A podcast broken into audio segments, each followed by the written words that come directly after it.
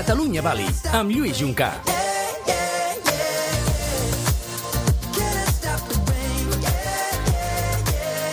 Volem dedicar els pròxims minuts del programa a parlar d'un sector tecnològic cada vegada més potent, la nova economia de l'espai, el conegut amb el nom d'anglès el New Space, és un sector que, valgui el joc de paraules, puja com un coet. I és Nadal i em fas una abraçada que parla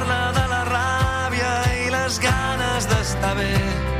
Ens hem de veure més i la resta tant se val. Jo, Juncà, què tal? Molt contenta de saludar-te.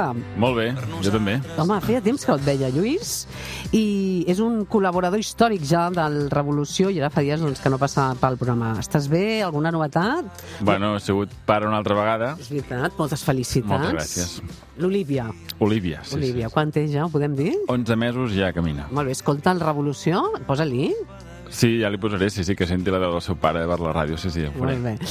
Escolta, fa uns dies el, el New Space Economy Congress va, es va convertir durant dos dies Barcelona en la capital mundial del sector, d'un sector potent, no? Al Revolució TV3 en vam parlar, me'n recordo que vam anar a Lleida, a l'aeroport del Guaire, i en vam parlar molt, eh? eh com va anar? Està canviant? S'està activant encara més? Sí, s'està activant, s'està fent més global. Per exemple, aquesta va ser la primera edició en què es feia tot en anglès, perquè teníem molts convidats, molts invitats de fora de Catalunya, que és uh, l'ADN d'aquest sector, que és per definició global. No es fa res a l'espai que tingui sentit només per un mercat local. I, per tant, el congrés que es fa a Catalunya, que uh, s'organitza a través de la Cambra de Comerç, havia de ser també un, un congrés global i per això va ser la primera edició en anglès, amb convidats com, per exemple, la regió de Flandes i un munt de gent que va venir des de 13 països diferents. Clar, eh, sí que Barcelona és un congrés que fa anys, no sé si aspira a acabar sent tan important com el mobile, no?, en el seu àmbit. Bé, com el mobile serà difícil perquè realment el mobile és uh, un top mundial de, de congressos. Nosaltres aspirem a posar Catalunya al mapa global i això vol dir, primer de tot, que sigui en el mapa europeu. I aquí ja estem bastant en la línia d'esdevenir-ho i, per tant, crec que, que estem contents de, de com està evolucionant el sector a Catalunya. Molts dels oients que ens escolten saben perfectament què és el New Space, d'altres no. Si et digués, va, Lluís, defineix-me el New Space i, i podríem dir que la, la indústria de nanosatèl·lits, però mm, hi ha molt més, no?, que nanosatèl·lits, em Bueno, diries? és, el que ha passat és que l'espai, que era un lloc inaccessible, o només accessible per als estats i les grans companyies, perquè eren satèl·lits molt grans, coets molt grans i, per tant, missions extraordinàriament cares, només disponibles per a aquells pressupostos enormes que podrien ser els d'un estat i d'un estat gran, de cop i volta, amb els nanos- nanosatèl·lits, és accessible per pressupostos molt més petits. I, per tant, molts països més petits, moltes regions i empreses més petites ara poden accedir a l'espai i fer-hi serveis i fer-hi activitat. Això és el New Space. I, i mm, la utilitat d'aquests jeans uh, petitíssims que llancem a a l'espai, per què serveixen pel nostre dia a dia? pot servir per tot, però la idea nuclear que hi ha darrere és que enviar coses a l'espai, enviar satèl·lits, ens permet veure'ns a nosaltres mateixos i, per tant, tot allò que parteixi de la informació que captem de nosaltres mateixos es genera activitat. Per exemple, uh -huh. podem observar com ens comportem, com ens movem, eh, com estem canviant el clima, com, es, com, com canvia la geografia, com es mouen les marees, com es mouen els gasos, com va la contaminació. Per tant, la idea nuclear és aquesta de que només si tu pots observar i prendre dades i tenir coneixement sobre el que passa, pots actuar. I, per tant, en la mesura que estem més a l'espai i ens veiem més a nosaltres mateixos, podem generar contingut, activitat, projectes al voltant d'allò que veiem que ens passa. Clar, estem parlant de satèl·lits, eh, com l'enxaneta o el menut, que són una capsa, podem dir gairebé de, de sabates i pesen 10 quilos. El Revolució TV3 en van parlar i els vam ensenyar.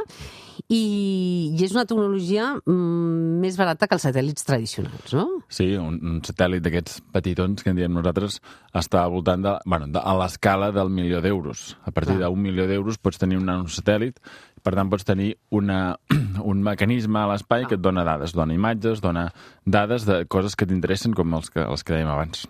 You're beautiful.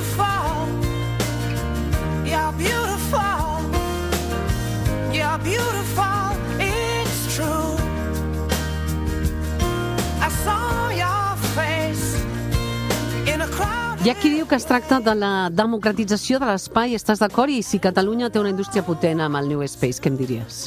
Sí, la paraula democratització es fa servir per explicar que ara, de cop i volta, hi té accés moltíssima més gent del que ho feia abans. Abans, com deia, només els grans estats podien accedir a l'espai, ara gairebé qualsevol estat, i fins i tot moltes regions com Catalunya, poden accedir-hi i també moltes empreses. De fet, estem veient que a vegades fins i tot ja el lideratge la tenen empreses, no? És la paradigmàtica de, de l'Elon Musk, no? de SpaceX, que sembla que ara sigui la líder en temes espacials. Però, per tant, ara tothom pràcticament eh, pot accedir a l'espai només amb un petit pressupost de, que arribi a potser el milió d'euros, pots tenir algun servei fet des de l'espai.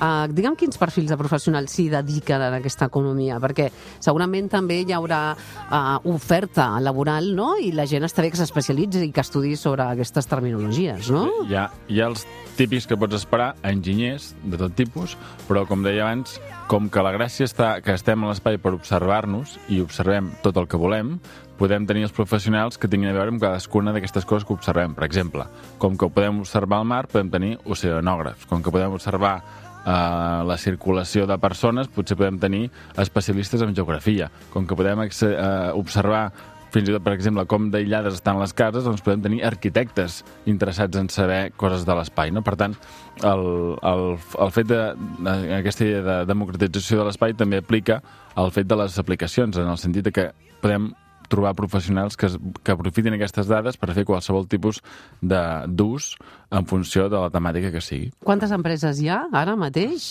uh, Lluís, que ara tu tenim, coneixes molt bé? tenim unes 120 empreses. 120 empreses? Uh, calculem que pel 2025 uh, uh, treballaran en aquestes empreses unes 2.500 persones. Val. I la gràcia és que tenim empreses en, tots els, eh, en totes les parts de les cadenes de valor. Per exemple, tenim empreses que es dediquen a fer els sistemes de propulsió dels coets, no? com per exemple Pangea o Pancosmos, no? que aquests són els que fan eh, satèl·lits. Mm. Però llavors tenim sobretot moltes empreses que es dediquen a utilitzar les dades que capten aquests satèl·lits i a través, per exemple, d'eines com intel·ligència artificial, a treure'n coneixement no? a partir de les dades que capten els satèl·lits. Uh -huh. Mouen molts diners, no? Uh, sí, uh, calculem que ja han facturat més de 800 milions d'euros aquestes empreses anualment i això és una cursa exponencial. En el sentit que, és que de fet l'espai és un lloc on les coses es proven d'una forma molt puntera uh -huh. i fa que la tecnologia avanci molt ràpidament. Uh, explico una cosa molt senzilla que és, sí? però que, que crec que és, que és molt interessant. A l'espai no hi ha marge per l'error a l'espai el que hi envies ha de funcionar i, a més, no tens sí o sí. capacitat de posar-hi sistemes redundants. Per exemple, perquè un edifici no caigui, tu pots fer que, un cop has calculat com d'ample és la viga que sustenta un sostre, uh mhm. -huh. doncs dius, va, doncs la poso el doble de grossa, per seguretat. Això l'espai no ho pots fer. Si tu calcules que el teu nanosatèl·lit ha de pesar un quilo, ha de pesar un quilo, perquè si li poses un quilo i mig, no despega, no? No, no arriba allà. Ha de ser exacte, eh? Per tant, tot el que fem a l'espai és tan precís, tan exacte, que és la palanca per fer que la tecnologia avanci d'una forma molt més sofisticada que no pas la tecnologia que fem servir a la Terra. I es deia que aquest sector creixeria un 200%, i estàs d'acord? No sé, no, no, no tinc uh, la bruixa, ai, la, no soc cap bruixa ni tampoc cap, bo, tinc cap bola de vidre, però és evident que aquesta idea mm, que hi ha a la base que l'espai tot ha de ser molt precís, tot ha de ser molt ben calculat, això és una, ten, aporta una tensió a les indústries que fa que es desenvolupin molt ràpidament. Molt bé, doncs com sempre, gràcies per aquesta informació. Lluís Juncà, contents després d'uns de, mesos hagis tornat a, a l'estudi, espero veure't aviat. I tant, jo primer. Eh?